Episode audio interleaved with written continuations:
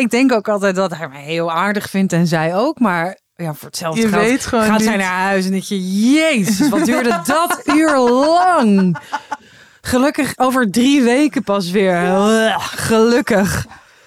Wat een wijf. Jezus, nou mevrouw heeft problemen hoor. Oeh. Oh, mevrouw heeft het zo zwaar.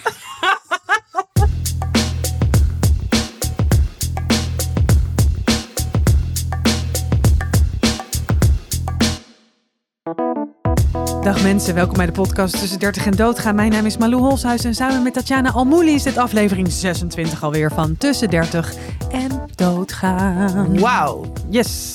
Waarschijnlijk luister ik dit zelf ook terug omdat ik jou nu zo aan het missen ben, Tatjana. Schattig. Want wij hebben zo'n overkill eh, Ja. in een... Nou ja, wij willen onze luisteraars niet eh, een maand zonder, Zonder jou ons. laten doen. Oh. Ik alleen hier in deze kamer. Dat gaat gewoon niet goed. Dat gaat Oh, dat niet zou goed. ik wel willen horen. Ja, dat... dat ehm, eh, maar jij maar het bent is nu echt een beetje veel, hè?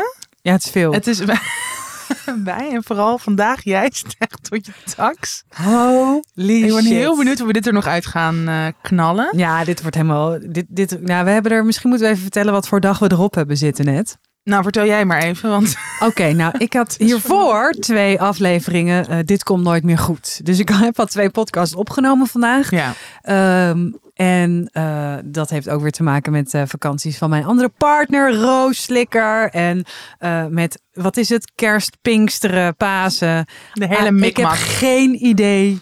Ik heb geen idee wat het is. Ik heb geen idee.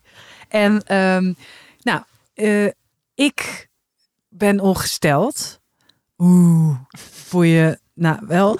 En ik kwam er gewoon tijdens het eerste interview wat ik vandaag had. En je had een soort zandkleurig wit crème pak ja, aan. pak. Horen jullie dat? Een zo'n linnen pak. En ehm, ja, eh, ik eh, was bij Rinse thuis ongesteld geworden. En toen heb ik zo'n... Ik dacht, ik eh, probeer zo'n menstruatiecup. Heb je dat wel eens geprobeerd? Ja, vreselijk. Ja. Ja, voor mij werkt het niet. Ik voelde hem de hele dag zitten. Nou, eh, ik vond het wel chill. Eh, hij zat echt best wel diep ook en best wel vast. Zo diep en vast dat ik hem er niet uit kreeg. Jezus. Dus ten eerste heeft Rinsum dus er gisteravond uit moeten halen. Overal bloed, of niet? Met zijn blote hand. Het was, nou, Met we, zijn zijn, blote handen. we zijn in de douche gaan staan. Dus Oh ja. het, het was zo. Ja, het was inderdaad heel veel bloed. Ja. Het was gewoon. Het is komt- ja, alsof je iemand een vermoordt. klein litertje bloed. Holy fuck. en toen dacht ik dus, oh nou, misschien heb ik hem eh, eh, iets te diep gedaan of zo, weet ik van. Maar het vond het wel heel prettig, want het zat heel fijn. En ehm, nou, dus toen had ik hem vandaag wat voorzichtiger en dat ik er nog goed bij kon en dat ik hem goed vast kon pakken. Maar dat was dus ook niet de manier, want tijdens het interview eh, kwam ik Voelde erachter. Ja, toen kwam ik erachter dat ik aan het doorlekker was. Maar er was, was iemand een verhaal aan het vertellen over het moment in je leven dat, dat je denkt, dit komt nooit meer goed. Maar op dat moment dacht ik ook, dit komt nooit meer goed.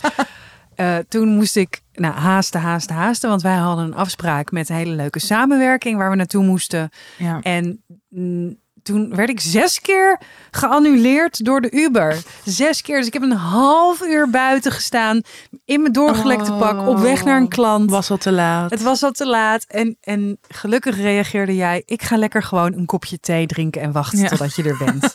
en dat heeft volgens mij mijn dag gered. Want als jij had gezegd, ja Jezus, je weet toch dat we hier om één uur hadden moeten zijn. Dan was ik waarschijnlijk gaan hu- was oh, schat. zo hard gaan huilen. Ja. Ja, Nou, gelukkig heb ik de reputatie om altijd te laten komen. Dus ik dacht, nou, het mag ook wel eens een keer andersom. Je hebt hier gewoon van genoten. Je zat gewoon op de eerste rij. Nee, ik vond het voor jou heel zielig, maar ik dacht, ja, het komt wel goed. En eh, gelukkig de samenwerkingspartner was ook helemaal niet boos. Allemaal Ja. goed gekomen, maar het, het laat wel zien, want jij gaat straks ook naar het huis van je ouders om even te schrijven deze week. Ja, En, nou, ik ga nu echt bijna weg. Als deze aflevering online komt, ben ik al bijna terug. ja. Maar zo ver vooruit werken wij dus. En ehm, ja, ik zit ook wel heel erg aan mijn tax. Ik heb echt, oh, ik heb echt zo'n kutweek. Hmm. Gewoon, nou het is nu maandag, maar afgelopen week en vooral dit weekend. Ik heb gewoon de ene na de andere soort mental breakdown gehad. Dat ik dacht, ik, ik trek het gewoon niet meer. Ik wil gewoon een soort uit mijn eigen huid ontsnappen. Ja. Weet je wel, dat je gewoon zo gek van jezelf wordt. En dat ook elk berichtje wat ik krijg, ook gewoon van vrienden, van, oh, ben je er al bijna klaar voor? Wanneer, ga-" weet je wel, gewoon heel lief allemaal. Maar ik trek het gewoon niet. Ik heb ook dus, nou, dat doe ik wel vaker, maar ik had dit weekend dan ook zo Instagram van mijn telefoon verwijderd en al mijn meldingen op stil gezet. gewoon zo. Echt er gewoon zo niet in je eigen leven willen zijn. Maar dat is, dat is natuurlijk gewoon niet goed. Nee, of maar fijn. als iemand boe tegen je zegt, dan gaat zo, zo Ja, in die dat staat je dan soort van we. dan en dat hebben we dus allebei dat je dan gewoon echt elk moment in Ja. huilen kan uitbarsten. En ik, ik had dan dit weekend ook een massage genomen en dat was toen was ik echt voor het eerst denk ik sinds een maand gewoon even ontspannen dat ik gewoon zo dat gevoel. Ja, Maar ja, ik kan niet elke dag een massage boeken. Zou wel chill zijn. zou wel Oh, dat is echt zijn. mijn grootste doel om zo rijk te worden dat ik gewoon elke dag een massage kan nemen. Ja, Nou, wie weet ooit. Maar dit, ik, ik dacht dus, en nou, daar gaan we het zo over hebben in ons hoofdonderwerp. Ehm, of nou, we gaan het over therapie hebben. ja. Maar ik dacht echt deze afgelopen week van ik moet weer in therapie. Want dit is gewoon. Nee, maar echt. Ik, ik heb nu een jaar geen therapie gehad. En overal gaat eigenlijk. Nou, handle ik het allemaal wel of zo. Maar ja. ik dacht echt weer deze week van oeh, dit zijn. Dit is zo'n slecht mechanisme dat ik gewoon zoveel hooi op mijn vork neem. En dan gewoon ook niet zo goed weet hoe ik het anders kan doen. Of dus dat ik gewoon niet meer weet waardoor ik in soort ontspannen staat kom. Mhm. Terwijl toen ik therapie had, had ik gewoon allemaal van die hele gezonde patronen ontwikkeld. En was, het, was ik me gewoon zo bewust van wat mijn grenzen zijn en wat ik aan kan. En dat ben ik gewoon nu echt een beetje kwijt. En dat is dan ook, ja, dat herken ik wel. Dat je gewoon soms even dan zo, Mhm. voordat je bijvoorbeeld op vakantie of whatever gaat, dat het dan even extreem is. Maar ik dacht, oh ja, dit is wel iets wat gewoon fijn zou zijn als ik weer wat meer hulp en begeleiding in heb. Dus Ja, nou, dat ga ik denk ik na de vakantie oppakken. Op zoek naar een goede therapeut. ja. Never ending story. Ik heb nog iets op te biechten. Oh. Ehm, en eh, dat heeft te maken met, ik weet niet of ik dat heb verteld over dat ik toen afscheid moest nemen van mijn hond. En eh, ja, jij weet nu wat er komt. Je hebt er in ieder geval columns over geschreven. En heel dramatisch getwitterd. Ja, het was dus zo dat Sorry. mijn hond, die bij mijn ouders woont, Does, die, die was op een gegeven moment, die ging dood. Ja. Nou, en die ging dood, dat zag je aan eh, nou, eh, allerlei dingen. Ze was heel erg afgevallen, ze wilde niet meer eten en haar ontlasting was geel. Dus dan betekent dat dus hond gaat dood. Dood. Nou, en hond is 16, dus ging inderdaad dood. En eh, mijn moeder die gaf er de hele tijd allemaal pijnstillers. Dus hond was stoned, wilde dood. En prima, maar ik had toen corona, dus ik kon geen afscheid nemen. Ja. En daar had ik een column over geschreven. En uiteindelijk heeft ze het dus gered tot dat ik afscheid kon nemen. Dus dat, dat deed ik daar. En ik had daar geslapen. En ik had, nou, weet je wel, eh, Mhm. knuffelen. En eh, nou, de volgende ochtend, eh, ik had er nog wat lekker eten gegeven. Dat, dat at ze dan wel weer. Maar ik had er ook een column over geschreven. Heb Ja. opgestuurd. Ja, begint die hond dus gewoon weer te, een beetje te leven. Door al jouw goede zorgen en Nou ja, ik weet het niet. Dus die heeft het op een vreten gezet.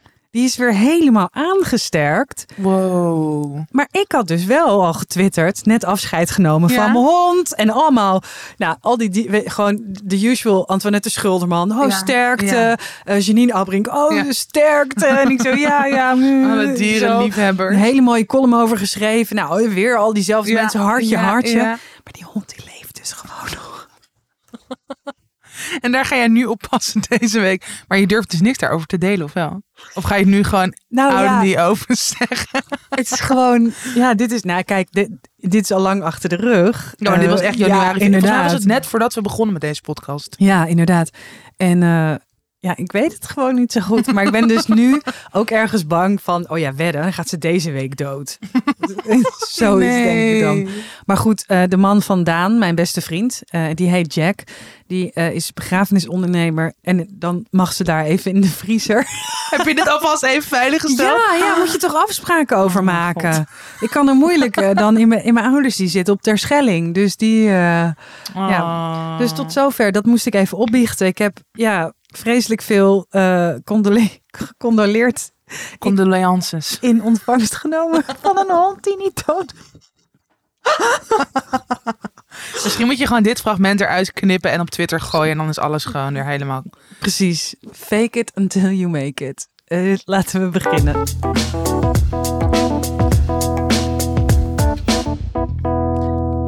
Daarover gesproken. Ja, Fake it till you make it. fake it till you make it. Therapie. Therapie.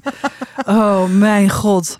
Ja, ik denk, dit is wel, ik vind het leuk dat we hier een keer dit als hoofdonderwerp behandelen. Want eh, nou, in bijna elke aflevering komt eigenlijk therapie wel voorbij. Ja. En we krijgen ook heel veel berichten van mensen die het dus ook heel fijn vinden. En een verademing dat wij hier gewoon zo open over zijn. Mhm. Want blijkbaar is dat dus nog steeds wel ja. een ding. Of in Ja. sommige kringen of voor sommige mensen. Ik heb Ja. juist wel heel erg het gevoel dat we nu gelukkig leven in een tijd waar er niet zo'n taboe... Ik durf het woord taboe Nee, ik durf het te zeggen. Er is een soort van taboe-politie op, Op Twitter, Twitter. Die bepalen wat taboe is en wat niet. En als we dan. En als ik dan zeg, ja, dat is voor mij heel erg. Dat is taboe. Dan zegt ze, ja, Dat is al lang opgelost. Ja. Ja, dat is helemaal al vertrapt door allemaal andere mensen die daarover hebben gehad. Dit was echt even, ja, Ja, de afgelopen paar weken was dit even een ding. Of volgens mij rondom, nou taboes Ja, rondom, rondom alles. Gewoon Ja. rondom, rondom het woord taboe. Ja, maar ik Ja. denk dat we wel, in ieder geval in de geschiedenis, was therapie wel heel lang een taboe, denk ik. Het is dat gewoon een drempel. Laten we het een drempel, Oh, noemen. Mooi, goeie. Het is een drempel.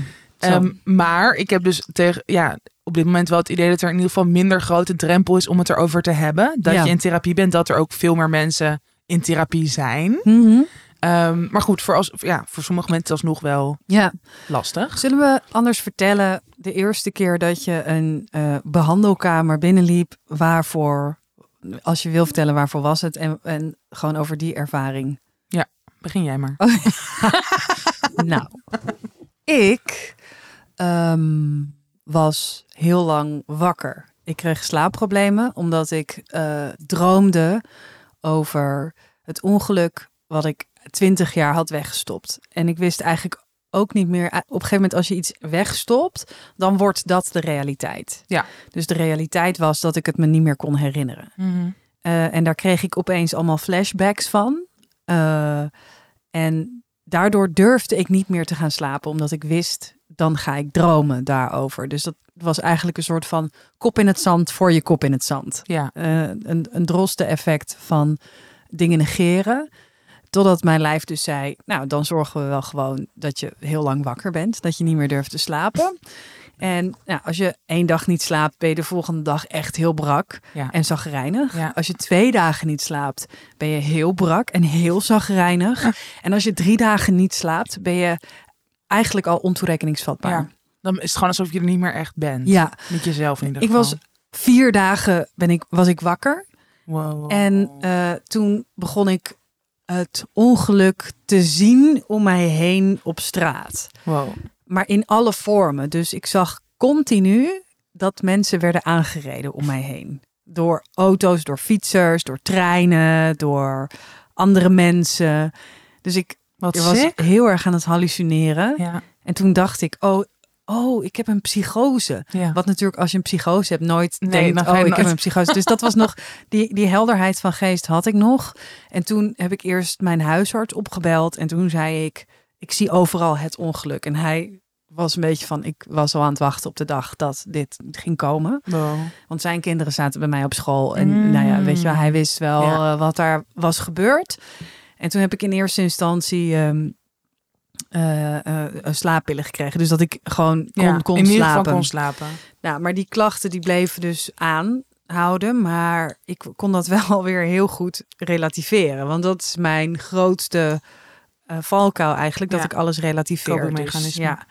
En ik, toen kon ik dus, omdat ik dit had opgeschreven. Ik zie continu mensen. Het is geen psychose. Maar ik zie wel de hele tijd mensen ja, doodgaan ja. op straat. Ik zie het echt. En ik durfde niks meer. Toen mocht ik dus ehm, eh, werd ik uitgenodigd voor een gesprek bij de psycholoog. Die heeft dus daar ruimte voor gemaakt. Die dacht volgens mij, ja, deze is echt heel, echt heel debiel. Ja. En ehm, hij zei, nou, kom sowieso maar even één keer langs Ja. om eventjes te praten. Weet je wel dat? Hij, ik, en hij zei, ik weet niet wanneer. Je moet wel gewoon op een wachtlijst, maar kom, kom langs. Ja.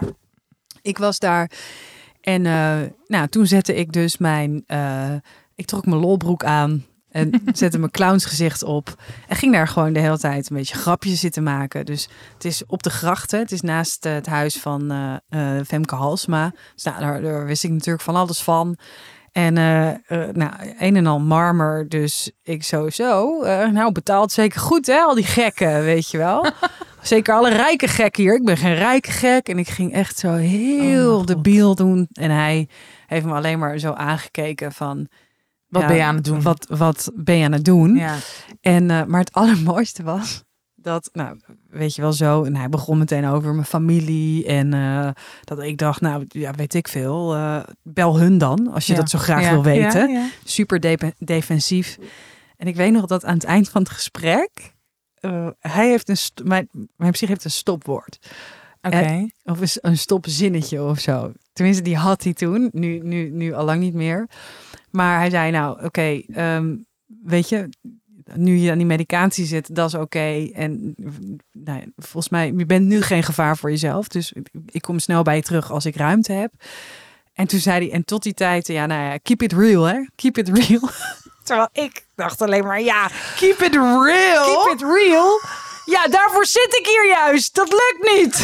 Ik zie alleen maar mensen doodgaan op straat. Keep it real.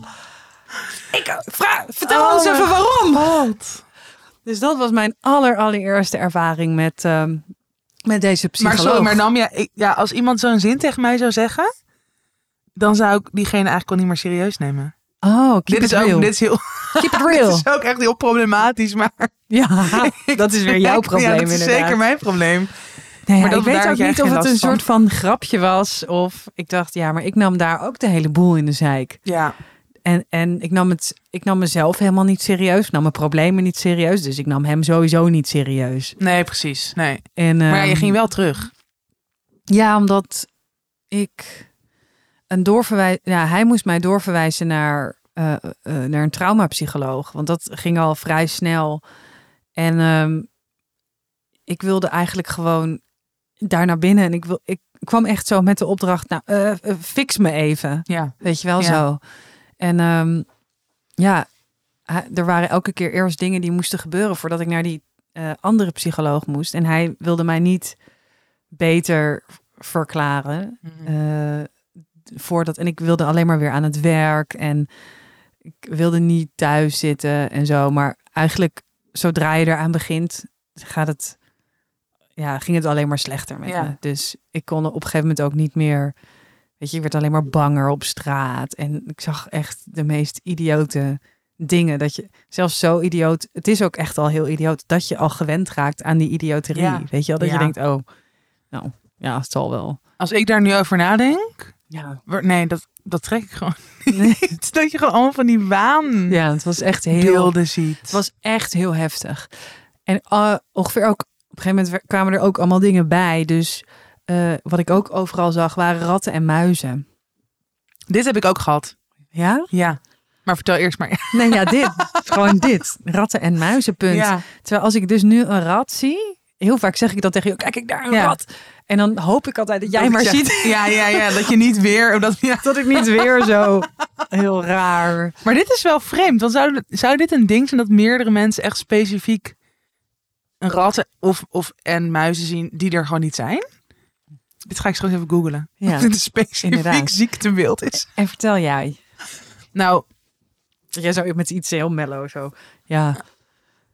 Ik had een burn-out. Zo, nee, ik had een burn-out. Verder niks, niks bijzonders. Maar bedankt voor je verhaal. Doei. oh. nou ik, nou ja, mijn eerste keer therapie, toen was ik echt heel jong. Toen was ik denk ik acht of negen. Ehm, en dat, maar dat was echt zo. Ik weet dus ook niet meer precies waarvoor het was.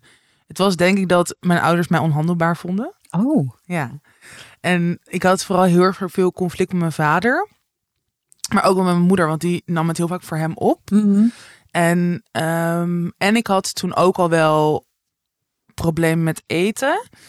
Of nou ja, nog, ik had nog geen eetstoornis, maar ik kwam er steeds maar aan, aan, aan. En niemand wist hoe dat kwam. En uiteindelijk, nu weet ik dat ik dat gendefect heb. Ja. Wat er dus zorgde, voor zorgde dat mijn verbranding heel laag was. En dat ik geen soort honger of geen verzadigingsgevoel bereikte en altijd honger had. Maar toen wist niemand wat dat was. Dus ik kwam toen al best wel vroeg in ehm, een soort ja, hulpverleners, zorgverleners traject terecht. Mhm. En toen moest ik dus ook naar een therapeut. Maar dat was zo in het VU Medisch Centrum. En dat was allemaal super klinisch. Dus het was ook, het was volgens mij dus een soort combinatie met en een diëtist en met een arts. En dan moest ik ook een uurtje per week naar die psycholoog. Maar dat was echt zo, zo'n, ja, een beetje zo'n muizig type. ehm, Mhm. die zodra we een gesprek hadden, rode vlekken in haar nek kreeg. Oh, Terwijl ik een kind was. Oh. Ja, dus. dus het was gewoon. Zij, zij, ja, maar dat zegt natuurlijk ook heel veel over wat ik als, ik als kind ook was. Ik, ik was ook gewoon best wel over Ja. haar heen. Maar ik bedoel, een, een, een psycholoog die rode vlekken in haar nek krijgt. Ja. Van, van, dat is een beetje alsof je, alsof je een tandarts bent met een heel slecht gebit. Ja. Dan neem je iemand gewoon al niet serieus. Ja, ja, nou, I don't know. Kan natuurlijk gebeuren. Maar het was wel dat ik ook al op dat moment, ook dus echt nog wel heel jong was, ook heel erg besefte, ja, jij, jij gaat mij niet helpen. Jij gaat mij ook niet begrijpen.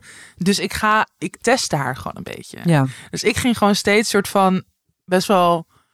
eh, ja, nee, ja, mijn vader slaat me gewoon. Ja, nee, is niet erg. Weet je, gewoon een beetje zo.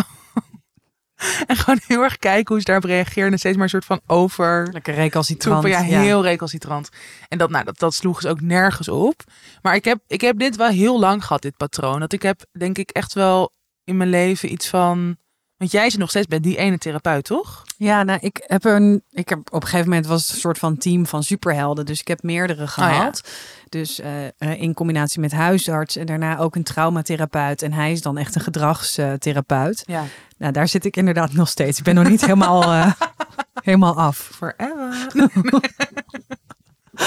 Er blijft wel, dingen, dingen blijven gewoon problematisch bij mij.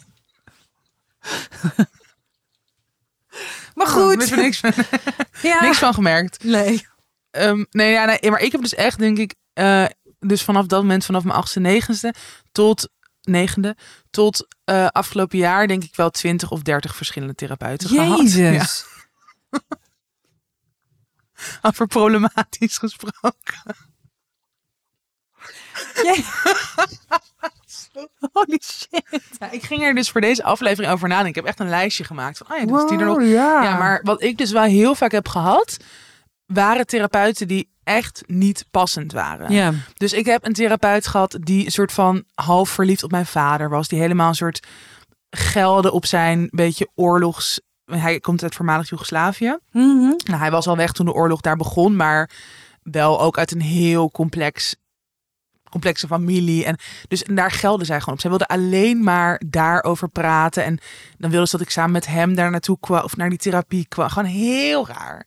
En ik heb een therapeut gehad die mij alleen maar een soort, dat, dat was toen specifiek voor rouw, toen mijn moeder net dood was. Die ging alleen maar citeren uit Joan Didion. eh, Oh, ja, gewoon, ja, ja. maar echt, weet je, dat soort dingen. Ehm, en, maar en dus ook heel veel therapeuten die ik dus al meteen niet serieus nam. Mhm. Waardoor het gewoon niet, het, was gewoon, het waren gewoon geen goede patronen. Ja. Ehm, en toen, nou, op een gegeven moment dus echt wel, nou, dat was ook toen ik dus die, ook muizen soort van zag die er niet waren. Toen, dat was aan het begin van mijn depressie. Ja. En toen had ik ook echt wel, ik heb nooit diagnose een angststoornis gehad, maar ik had wel heel veel angsten en heel veel paniekaanvallen. En, ehm, maar toen had ik dus wel diagnose een depressie, maar ik kwam inderdaad op wat jij eigenlijk ook hebt gehad, alleen dan niet per se voor een depressie, maar wel op zo'n wachtlijst terecht. Ja.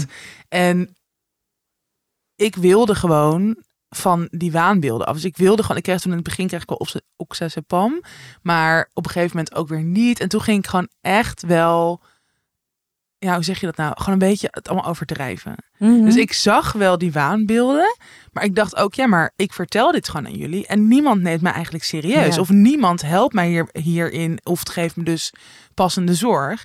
Nou, dan ga ik het allemaal een soort aandikken. Maar dat is ook natuurlijk, weet je, allemaal dat soort patronen Ja. hebben er natuurlijk ook voor gezorgd dat ik gewoon ook heel lang ook niet die passende hulp kreeg. Mhm. Omdat ik zelf ook niet helemaal real was, om Ja. met jouw therapeut te spreken. Keep it real. Keep it real, nou kon ik ook niet. Of date ik niet. Ik zit me ook maar nu te bedenken. Zo. Die gast die zo komt.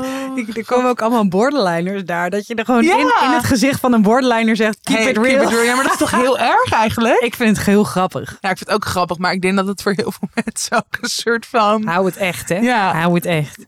Nee, ik, eh, ik vind het een. eh, ja. Eh, niks slechts over mij. Nou, dat is wel grappig, want ik heb nu gewoon geen therapeut. Ik kan over iedereen, kan ik ja, precies. Ja, ik kan ook Terwijl alles jij- over hem Ja, zeggen, natuurlijk. natuurlijk. Maar ja, je bent wel heel blij met hem. Ja, zeker. het- ja, het werkt gewoon heel goed voor jou. Ja, ik denk ook dat ik denk ook altijd dat, dat hij mij heel erg mag. Maar terwijl en dat, dat, dat hij eigenlijk ook een soort van vrienden met mij zijn. Terwijl ik ben gewoon zijn werk. Dat ik dat denk, dat is gewoon zo dom. Een soort messias complex. al- alsof het voor hem leuk zou zijn om mij tegen te komen, omdat we zo'n goede band hebben. Maar dat is natuurlijk, ik weet niks van die man. Helemaal niks. Vertelt hij nooit dingen over zichzelf? Jawel, hij vertelt wel dingen van zichzelf. En het eerste was, nee, grapje, ik ga dat niet nu allemaal vertellen. Nee, maar, nee, maar meer van... Ik had op een gegeven moment dat ik dus therapie... En dat heeft mij heel erg geholpen. Het was bij eh, Human Concern. Mhm. En dat is een... Ik, ik noem het even expliciet. Want ik krijg best wel vraag, de vraag van mensen die dus ook met eh, eetproblemen kampen... waar ik dan therapie heb gehad. Dus nou, ik wil dat best wel delen bij Human Concern. En dat is dus een eetstoornisbehandelcentrum. Maar eh, dat is natuurlijk heel vaak met eetstoornis of met dit soort problematiek dat er heel veel achter zit. Dus het is echt niet dat je alleen maar bezig gaat met oké, wat eet je wel of niet of wat is je problematische relatie met je lichaam of dat, Mhm. maar ook heel veel nou ja, naar alle achterliggende shit kijken in je geschiedenis en weet je wel, Ja. wat dus voor triggers zorgt. Ehm, oh, waarom ging ik dit vertellen? Weet ik veel. Ja, je bent knettergek. nee, het gaat over een, een goede eh, therapeut en o- bevriend ermee zijn. eh, Nou, mensen- ik weet, ik weet Jawel, even niet meer waar ik dit naartoe het ging. Nee, nee, zelfs ik weet het nog. Ik weet het nog. Ik ben er trots op. Nee, luister. Het ging over eh, therapeuten die iets over zichzelf vertellen. Oh ja, Ja. wow, Malou. I know. Ja, Jij die alles vergeet? ja, precies. Maar mijn hersentumor altijd onthouden. Ja. nou, gelukkig. Dit, Afkloppen. eh, oh mijn god. Ja. Ehm, nee, maar die, thera die therapie, die was er dus best wel, ehm, ja, hoe zeg je dat? Op ingericht. Dat, daar werkte ook alleen maar ervaringsdeskundigen. Dus dat Oh. waren mensen die zelf ook een eetstoornis hadden gehad. Mhm. Of sommigen volgens mij ook bijvoorbeeld een paniekstoornis, maar de meeste wel echt eetproblematiek. En die natuurlijk ook wel, eh, ja, therapeut waren geworden. Dus Ja. niet gewoon random. Ze hadden ook wel gestudeerd. Ze hadden ook hiervoor was geen gestudeerd. Kiet Bakker Ja. of zo. Oh mijn god. Oh. Dat was op een camping van iemand die je kende. Hè? Echt, ik was vroeger verliefd op hem. Oh. Dat zegt ook al hoe erg fucked up ik ben. Voordat, voordat duidelijk werd dat Voor- hij een enorme viespeuk is. Dat Voordat wel. iedereen wist dat hij pedo is. Ja. Nee, maar die, dat programma, ik weet niet eens meer hoe het heet, maar Family dat, Matters. ja, ik wilde daar natuurlijk ook altijd naartoe. Dat alles werd er opgelost. Oh nou, nu niet meer, maar destijds wel. Ja, helemaal knetsgek. Maar Human Concern. En daar, dus mijn therapeuten, die gingen eigenlijk alleen maar vanuit hun eigen verhaal en ervaring dingen delen. Ehm, en ik vond dat echt fantastisch. Want daardoor, zeg maar, daardoor heb je inderdaad ook best wel vaak het gevoel van, oh, je- er zit iets gelijkwaardigs in. Mhm. Maar dan hadden ze nog wel natuurlijk die kennis. En plus ze waren ook hersteld. ja. Dus ook vanuit de persoonlijke ervaring waren ze een stap verder. Maar dan ook nog gewoon een soort theoretisch kader. En ehm, die kennis vanuit de professie om je wel te kunnen be- behandelen. ja. En dat, ja, dat heeft mij zo erg geholpen. Want ik vond het dus ook heel vaak moeilijk dat therapeuten van mij ehm, heel erg zo van bovenaf, weet je wel. Dus Ja. dat ik het best wel het gevoel dat ze ook op me neerkeek. Of dat ze een soort van, oké, ik ga jou vertellen hoe je het allemaal moet doen. Terwijl ze geen idee hadden heel vaak. Ja. Want ik werd wel ook altijd als een soort heel complex geval gezien. Met, oh, je hebt zoveel meegemaakt. Ik dacht, ja, I know. Maar weet je, ja, betekent dan dat ik, dat ik Ja. een soort van last case ja, ben? precies. Wil jij een tissue? Ja, precies. Nee, maar Ja. dat was wel heel vaak de verhouding. Dat, ik heb ook, dus ook wel eens therapeuten gehad die gingen huilen om Nee, mijn verhaal. Ja, oh. ja, ja. Of een therapeut die zo gelovig was dat ik dus dat ik dat ik mijn zorg beperkt, dat ik niet kon vloeken, dat ik het niet kon hebben over. Ik zat dan heel erg in mijn soort persoonlijke seksuele revolutie en ik had gewoon best wel veel seks met verschillende gasten. En nou, als ik daarover begon, dan ze zei ik moet even weg. En dan Hou op. Ja, nee, maar en het is Hou echt op. allemaal waar, ja. Maar dit soort shit. Oh my god. Dus ja, niet heel gek dat ik er zo van hier, versleten. ja, we moeten hier eigenlijk een keer een serie over schrijven. Ja, wow, inderdaad. VPRO, bel ons terug. Nee, bel ons. Duizend gemiste calls. Bel ons nou eens een keertje terug. We hebben heel veel goede ideeën. Ja. Nee, maar dat is, ja, dat is wel een goed idee eigenlijk. Echt. Mhm. Zo interessant. Het is super interessant. Ik ehm, eh, kreeg EMDR-therapie Mhm. om dat trauma eh, opnieuw te beleven en dan te gaan verwerken. Ja. En wat dus heel tof was, is dat, wat- dat kreeg ik van een vrouw. En ehm, je rook gewoon dat er daar in die kamer hele enge dingen gebeurden. Zeg maar. je, het ruikt gewoon weet je, naar angst, zweet. En dat daar Ja. mensen echt. Ja, ja, echt. ja, Een soort ayahuasca-ceremonie, maar dan precies. zonder drugs. Ja, en zij was, eh, ze was echt zo heel lief, heel zachtaardig en zwanger. Wow. Het was echt een heel. Wat heftig wel. ja, maar voor zo iemand. ja, ja, inderdaad. Nou ja, hoe goed je moet zijn in je werk, omdat ja, dus. precies. Om Ja, dat ik niet zou nooit, ik zou dit nooit kunnen. Ik zou het allemaal mee naar huis nemen. Het en graf innemen. met ja, nee, ik zou, ik zou dat Ja. allemaal niet goed kunnen. Maar Nee. zij deed dat dus. En ja, het was best wel heftig, want eh EMDR is dus dat je terug moet gaan naar een moment in je leven dat je naar, naar het trauma. Mhm. En dan ga je met oogbewegingen ga je dat verwerken. En er gebeurt iets in je hersenen. Ze weten niet hoe het werkt. Ze weten alleen dat het werkt. Ja. Ehm, maar mijn hele lijf ging dus. Die zei dus eigenlijk: nee, nee, nee, nee, nee, dit gaan we niet doen. Dus ik werd heel misselijk. En mijn, Wow. ik ging gewoon, het kwam, het, het kwam er letterlijk uit. Dus Was je echt aan het overgeven? ja, ik was echt zo aan Wow. het kokhalzen heel erg over. Ook omdat die ja, een soort van geurherinnering was. Ja, het was heel bizar. En dat zij dan. Zij was zo lief en droog en rustig en zo. Weet je, dat ik dacht van, hé, maar dit is allemaal mensen. Ja, het het is ook een soort van exorcist waar Ja. je dan mee te maken hebt. Lijkt me ook eigenlijk heel eng. Heel eh, eng, eh, ja. soms. Ja, zo ongrijpbaar is het gewoon. Je weet niet hoe iemand precies Ja. gaat reageren of wat eruit komt. Inderdaad. En ik had Letterlijk. toen was zo lief. Ik had haar mijn boek eh, opgestuurd, omdat dit natuurlijk Ah. deze scènes staan eh, geschreven in, in mijn boek. Ehm, en eh, toen heb ik echt een heel lief kreeg ik bloemen van haar thuis gestuurd. Oh, En die heb ik zo daar die oh gedroogd. wat Met mooi. een heel- lief. hele lieve brief van haar.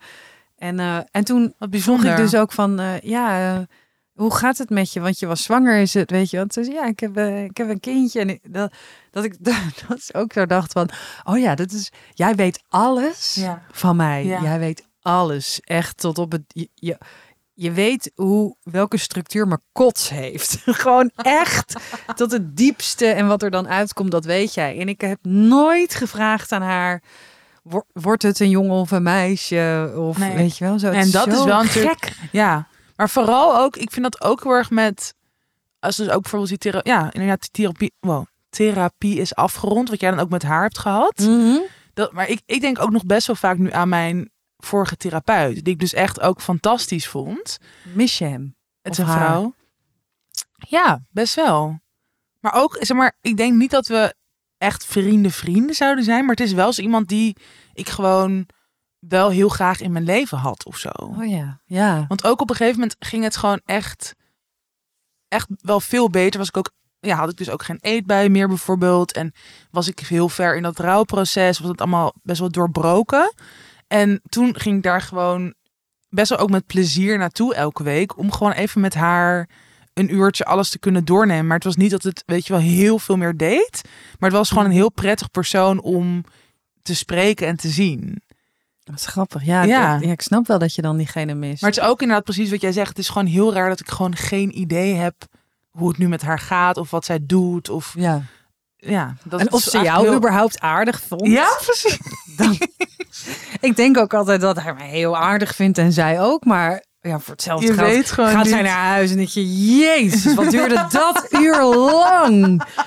Gelukkig over drie weken pas weer. Gelukkig. Wat een wijf. Jezus, nou mevrouw heeft problemen hoor. Oeh, die zo op de fiets zo zit. Oh, mevrouw heeft het zo zwaar. Oh, dat zou zo erg zijn als iemand zo over jou zou denken. Nu ga ik me daar Jij zorgen bijna over maken. huilen nu. Nu ga ik, nu ga ik me ja. daar zorgen Oh, maken. nee. Ga ik volgende Nou, als je keer vragen, luistert, psych van Malou, Vind je me eigenlijk wel aardig? vind je mij in theorie een leuk en aardig mens? Oh mijn god. Ja, dit soort dingen. Ehm, ja, maar verder, verder raad ik therapie wel echt aan ik iedereen aan. Ik denk dat het nou, echt, echt iedereen kan helpen. Of je nou hele grote trauma's, problemen hebt of... Weet Ja. je, ja, het is natuurlijk ook allemaal heel subjectief, maar En ik wil nog één ding zeggen. Eh, mensen die eh, filmpjes van zichzelf maken op Instagram en zeggen dingen over manifesteren en het universum en zo. En doen alsof ze coaches zijn of dat ze er verstand van hebben. eh, sterf. ja, dat zijn geen therapeuten en zij moeten de meeste therapie hebben. Ja, en zij zien jou als verdienmodel. Dus ja, fuck jullie.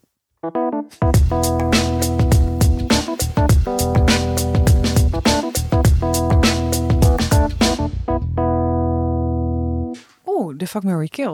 Ik moet hem er even bij pakken.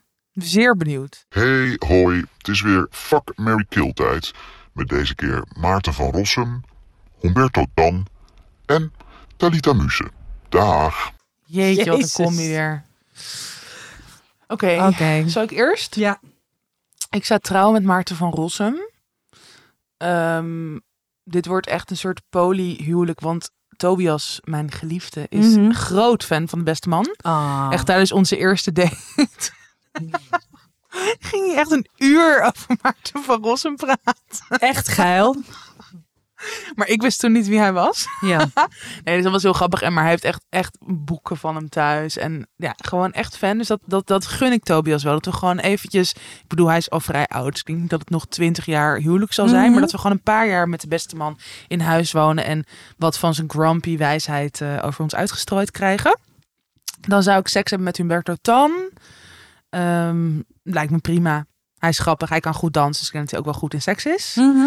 En Talita Muse... Ja, nee. Ik, ja, Helaas. helaas. Ik ga er ook even niks over zeggen, maar er moet iemand dood. Ja, Ja, helaas. Eh, ja, ik, eh, ik heb meegedaan aan de slimste mens. En eh, daar heb je natuurlijk Maarten van Rossum, die zit daar. En die Ja. moet dus, dat- dat zie je niet op beeld. Maar die wordt, die wordt letterlijk ongeveer om het, om het kwartier afgestoft. Dan moeten ze al het roos zo van zijn schouders afhalen. dus ja, dat Oh mijn huwelijk zie ik gewoon niet zo zitten. Ehm, ik vind het wel een hele leuke man. Hij heeft humor, hij is aardig, hij is natuurlijk heel slim. Maar ja, hij is natuurlijk ook al oud, dus ik help de natuur een beetje. Dus daar gaat mijn kill naartoe. Ik trouw met eh, Humberto Tan. Ik ken hem redelijk. Ik eh, kan heel goed met hem opschieten. Vind een leuke man, gezellig, leuk voor thuis, eh, weet ik veel. Leuk voor thuis op de bank. Ik, en dan ga ik ehm, ja, naar bed met Talita. Eh, zodat ik niet nu hoef te zeggen, ik ga naar bed met Humberto. Want dat zou awkward zijn als hij dat dan luistert en dat je hem dan tegenkomt. En dan zo, oh, ik heb je podcast geluisterd. ja, precies. Dat je dat hele Je- Jesse Klaver ding, dat je dan berichtje krijgt. Van Van zijn zijn vrouw. Hebben we dit al verteld in de podcast? Nee, ik denk het niet. Oh, nou, ik heb dus een keertje hier in deze podcast verteld over eh, dat ik dacht dat Jesse Nee, we Klaver... hadden toen weer de Fuck, Mary Kill en daar zat Jesse Klaver bij. Volgens mij Ja. was het de derde aflevering of zo. Ja. En, En- toen vertelde jij dat je hem net als gast had in je, in je andere podcast. Ja, dat ik dacht dat hij me aan het versieren was. Ja. Dat dacht ik. En maar toen dat was echt jouw projectie, want jij, jij, ja, jij Ja. zat gewoon een beetje op hem te geilen. Ja. Eh, ja, klopt. En toen, maar toen had ik de beelden teruggezien. En toen was dat ook absoluut niet het geval. En Jolijn, zijn vrouw, is echt een hele leuke vrouw. eh, die stuurde toen een berichtje. Hey, Ja. wij een leuke nieuwe podcast. Love the fuck, Mary kill. Ja, dat wij allemaal een zo... knipoog. Ja, Jesse Klaver zo knappe, sexy. Ja. dat. Ja. Jolijn, als je dit weer hoort, ja. Love you. Ja. En je man ook. Nou ja, goed. Anyway, dus da- daarom eh, kies ik voor Talita. Want ik kan mezelf niet weer in deze bochten wringen. Nee, Eh, heel eh, goed. ik dus een kom- platonisch huwelijk met Humberto. Gewoon Ja. als friend. En Talita ehm, sexy time. Precies. En dan laat ik het filmen en stuur ik het naar Live of Yvonne. Nice. ja, toch? Ja, toch. Tips. Tijd voor tips. Ik tip het nieuwe boek van Marja Pruis. Oh? Boos meisje. Ja, heel leuk boek. Ik ben er nu in bezig. Ehm, ik vind haar, nou ja, Connie Palme heeft haar eh, de koningin van het persoonlijke essay genoemd. En dat, ja, dat, dat is gewoon zo. Ik vind Mhm. haar, ik heb ook haar vorige eh essaybundels gelezen. Bijvoorbeeld Geno- Genoeg Nu Over Mij, heet dat geloof ik? Ja, Mhm. ook echt heel goed. En ik vind haar ehm, echt een meester in het persoonlijke met het maatschappelijke eh, verweven eigenlijk. En ze heeft gewoon best wel vaak actuele thema's ehm, die ze dan met persoonlijke ervaringen eigenlijk samenvoegt, maar ook heel veel literatuur in verwerkt en andere bronnen. Dat doet ze gewoon echt moeiteloos. Dus daar vind ik haar als schrijver, daar bewonder ik haar als schrijver heel erg in. En ik vind het ook interessant dat in dit boek, nou, dat, dat zat een tijdje geleden een heel groot interview in het Volkskrant magazine, of gewoon het cover Mhm. interview. Ook zeker de moeite waard om terug te lezen. Het gaat weer heel erg over hoe je als vrouw dient te zijn. Ja. Dus je dient lief, leuk, likable te zijn, maar ook stoer, maar niet te stoer, want dan, dan word je weer als een boze vrouw of een boos meisje gezien. Mhm. Ehm, en ze maken ook heel erg het onderscheid tussen een boze vrouw, dat wil je echt niet zijn, want dat is gewoon een soort zuur wijf. Ja. Maar een boos meisje, er zit nog wel een soort speelsheid in. Dus dat, dat soort onderscheid vind ik ook heel leuk. Daar zij heel goed in, heel talig ook. Zet weer aan het denken. En ja, dit is gewoon een thema waar ik zelf nooit genoeg van krijg. Van, oh ja, dit is weer het archetype van de perfecte vrouw. En hoe je daar wel en niet aan appelleert. En hoe je daarmee om kan gaan. Hoe anderen daarmee omgaan. Ze heeft een paar interessante soort case studies die ze naar voren haalt. Bijvoorbeeld eh, Rachel Kask, schrijver. Mhm. Uh, maar ook Sigrid Kaag. En dus nou, heel erg veel van haar eigen overpeinzingen en persoonlijke voorbeelden. En um, echt een heel goed boek. Dus ga het lezen. Mm, tip vergeten. Even hier in het rond kijken. Of er nog een leuk boek of een andere leuke. Nee, ik had echt iets bedacht. Oh ja, ik weet het. Jezus. Sorry. Dit moeten we erin houden. Ja, ik tip een, uh, ook een boek, een thriller. Mm. Um, uh, ik ben normaal gesproken helemaal niet zo van de thrillers. Um, maar ik ben begonnen, ik ben er echt nog maar net in begonnen, uh, okay. in, in, het boek uh, Lenoir uh, van Bas Haan. Oh. En Bas Haan uh, was altijd journalist bij Nieuwsuur. Ja. En hij is degene van de Deventer moordzaak. Ja. Um, hij is degene die die zaak in eerste instantie heeft belicht. Met de eerste uitkomst dus. Mhm. Mm -hmm. Eigenlijk gaat het. De Deventer Moordzaak. Ja, je hebt die, die Deventer Mediazaak, die podcast. Uh, je hebt het boek van Bas Haan, de Deventer Moordzaak, daarover. hij heeft natuurlijk zijn eeuwige fitty met Maurice de Hond, die nog steeds zegt ja. dat de klussenman het heeft gedaan. En hij. nou, die, film trouwens, die is ook fantastisch over de Deventer Moordzaak. Anyway, dat, eh, dat is Bas Haan. Dus Mhm. mm -hmm. gewoon een ontzettend goede onderzoeksjournalist. Zit nu bij NRC. Maar hij schrijft dus ook thrillers. Wat grappig. Ja. En uh, de thriller Le Noir gaat dus over... Ja, man wordt wakker en er is iemand dood in dezelfde ruimte. En hij heeft geen idee hoe hij daar terecht is gekomen. Wat, hoe, wat, ja. hè, hoe kan dit? Dus je zit er meteen in. Het is super spannend. En het is gewoon heel goed geschreven. Hij schrijft heel goed. Ja. En ja, ik vind het echt wel fascinerend dat iemand wiens werk dus uh, is iets helemaal tot op de bodem uitpluizen. Dat dan in zijn vrije tijd als, ja, dat als schrijver schrijft. Dat vind ik zo leuk. Ja, dus uh, super gedetailleerd. Ja. Um, echt alsof maar ook je omdat hij waarschijnlijk ja. precies omdat hij als journalist daar ook zoveel ervaring mee heeft hoe ook zo'n ja. zaak wordt opgebouwd welke uh, mensen er allemaal involved zijn ja ja en ik vind het dus een uh, ik moet altijd heel we zitten bij dezelfde uitgeverij en zo en het is ook gewoon een gezellige gast weet je en knap in knap oké okay. nou ik heb ja. oh, daar gaat het echt sowieso niet om nee maar ik vind het ik heb les van hem gehad ja of nou les en hij heeft een gastcollege gegeven. Ik, ik volg toen uh, ik Nederland studeerde aan UvA. Toen volgde ik een minor journalistiek en kritiek. Ja. En daar was hij toen gastdocent.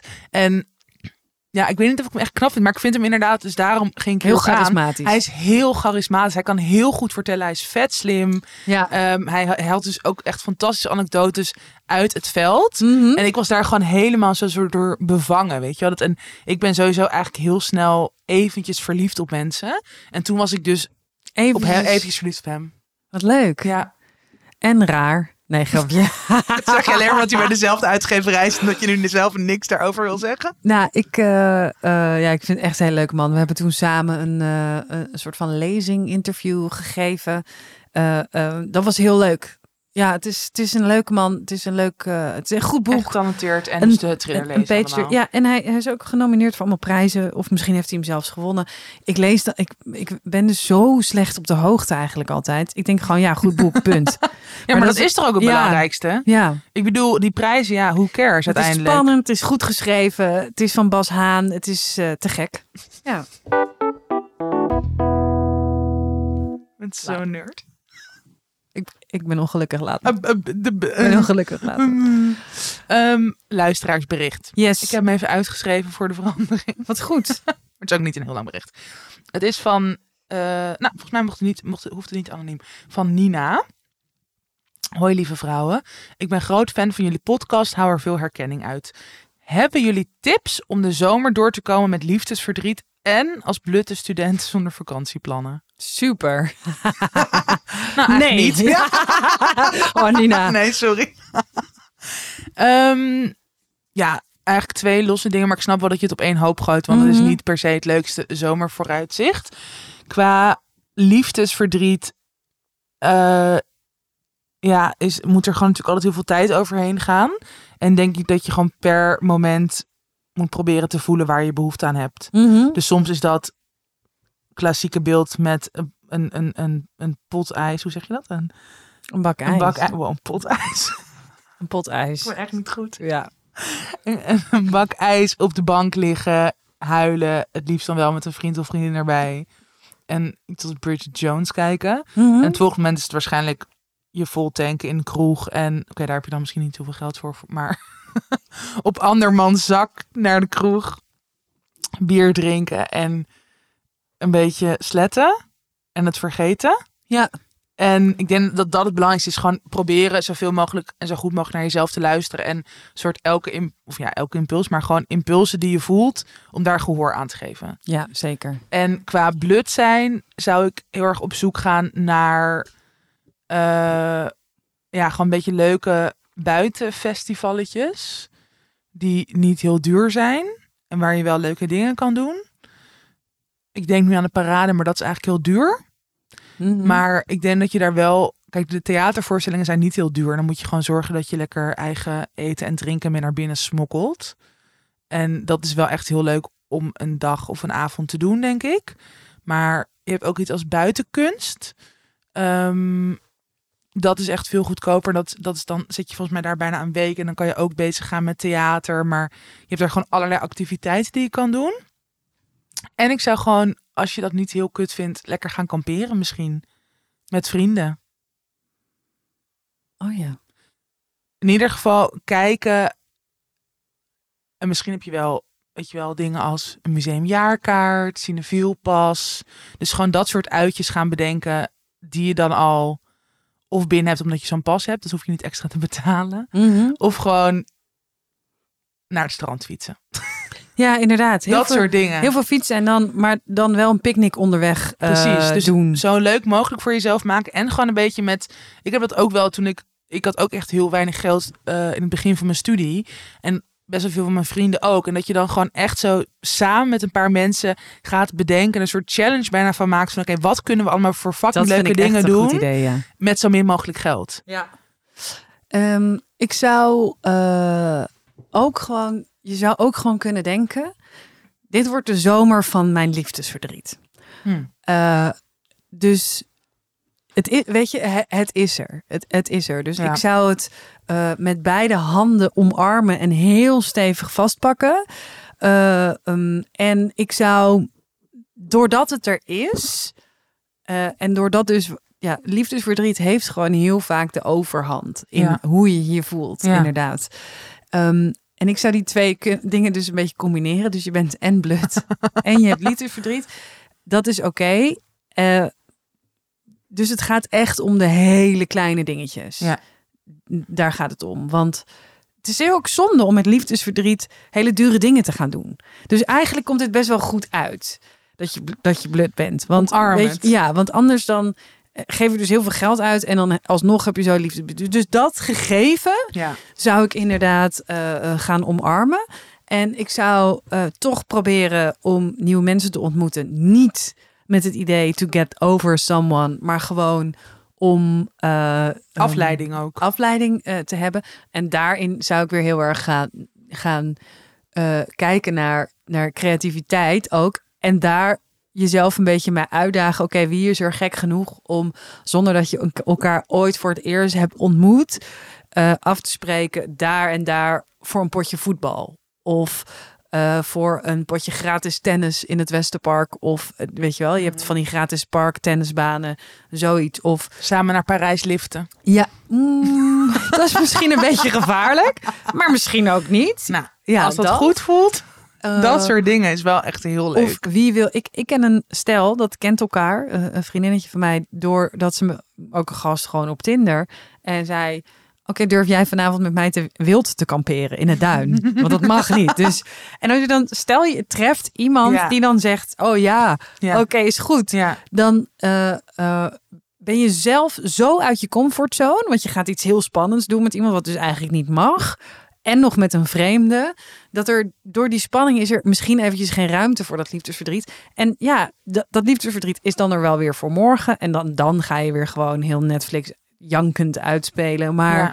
ja, probeer jezelf daarin eh, eh, een beetje te verrassen. Goede, precies. En een goede combinatie daartussen te vinden. Dus niet er helemaal overheen gaan. Want dan haalt het je waarschijnlijk uiteindelijk toch wel weer in. Maar ook niet in je eentje inderdaad de hele zomer in het donker op je Ja. bank liggen. Daar En- word je uiteindelijk ook echt niet En weet van. gewoon, dit wordt de zomer van het liefdesverdriet. Ja, daar, ja, Ja. over twee jaar denk ik, oh ja, dat was die zomer dat ik liefdesverdriet heb. Maar ik heb toen wel met een vreemde gast Ja? in het duin gekampeerd. Of ik heb toen leuk. wel eh, gewaterfietst in Amsterdam voor, eh, nou dat is ook niet heel duur. Dat soort dingen. Of ik heb toen wel een drie gangen picknick voor een vreemde in gedaan. elkaar geflanst. Dus dat je het, het gaat eigenlijk over hoe ga je deze zomer herinneren als de zomer van het liefdesverdriet. Maar ik heb Ja. wel allemaal dingen gedaan. Heel leuk. En ik denk ook nog even als laatste dat het ook, weet je, de zomer wordt natuurlijk altijd heel erg als, als iets gepresenteerd van, oh ja, hier moet het allemaal in gebeuren. Hier moet je de mooiste avonturen beleven. Moet, het, moet je bijna alleen maar gelukkig zijn, want, nou in Nederland is het ook niet zo, maar overal schijnt de zon Mhm. en heb je leukere dingen te doen. En terwijl, ja, soms voel je je ook gewoon in de zomer kut. En dat is Ja. natuurlijk iedereen. Dus probeer er in die zin niet te veel over te stressen van ook moet het nu eigenlijk heel leuk hebben. Ik moet nu eigenlijk heel gelukkig zijn en dat ben ik niet. Ehm, want uiteindelijk werkt dat sowieso alleen maar averechts. Jezelf dingen opleggen. Denk ik ook.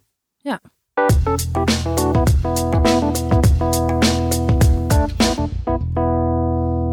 Eyo. Dat was hem weer. De ballen. nee, eh, lieve luisteraars, bedankt voor het luisteren en voor ever jullie leuke berichten en dat soort dingen. Eh, als je ons iets wil laten weten, vragen hebt, dilemma's, dan kan je ons altijd DM'en op het tussen 30 en doodgaan op Instagram. Die loopt wel helemaal synchroon met de tijd. Snap je? Ja, Omdat we natuurlijk nu eigenlijk Ja, ja, niet, ja. niet helemaal synchroon lopen. Maar Nee. dat hoeft ook niet, want we zijn ook niet actueel. Ik bedoel, we gaan niet over nieuws hebben. Misschien bestaat de wereld niet meer. Dat kan. Kan. Dat is heel jammer. Ja. Eh, jammer Gelukkig zijn de podcasts er dan nog. Ja. Ehm, en heeft je vraag of je opmerking eh, financiële gevolgen, wil je bijvoorbeeld samenwerken, Ehm, dan kan je mailen at, naar, bedoel ik, Tussen tussen 30 en doodgaan at gmail.com. En ehm, heel leuk als je ons re- re- re- re- re- re- reviewen. Ja, we gaan nu Bij Apple stoppen met Podcasts. We gaan nu stoppen. Het is klaar, we gaan allemaal slapen en huilen. Tot Oké, Instagram, jongens. dag. dag.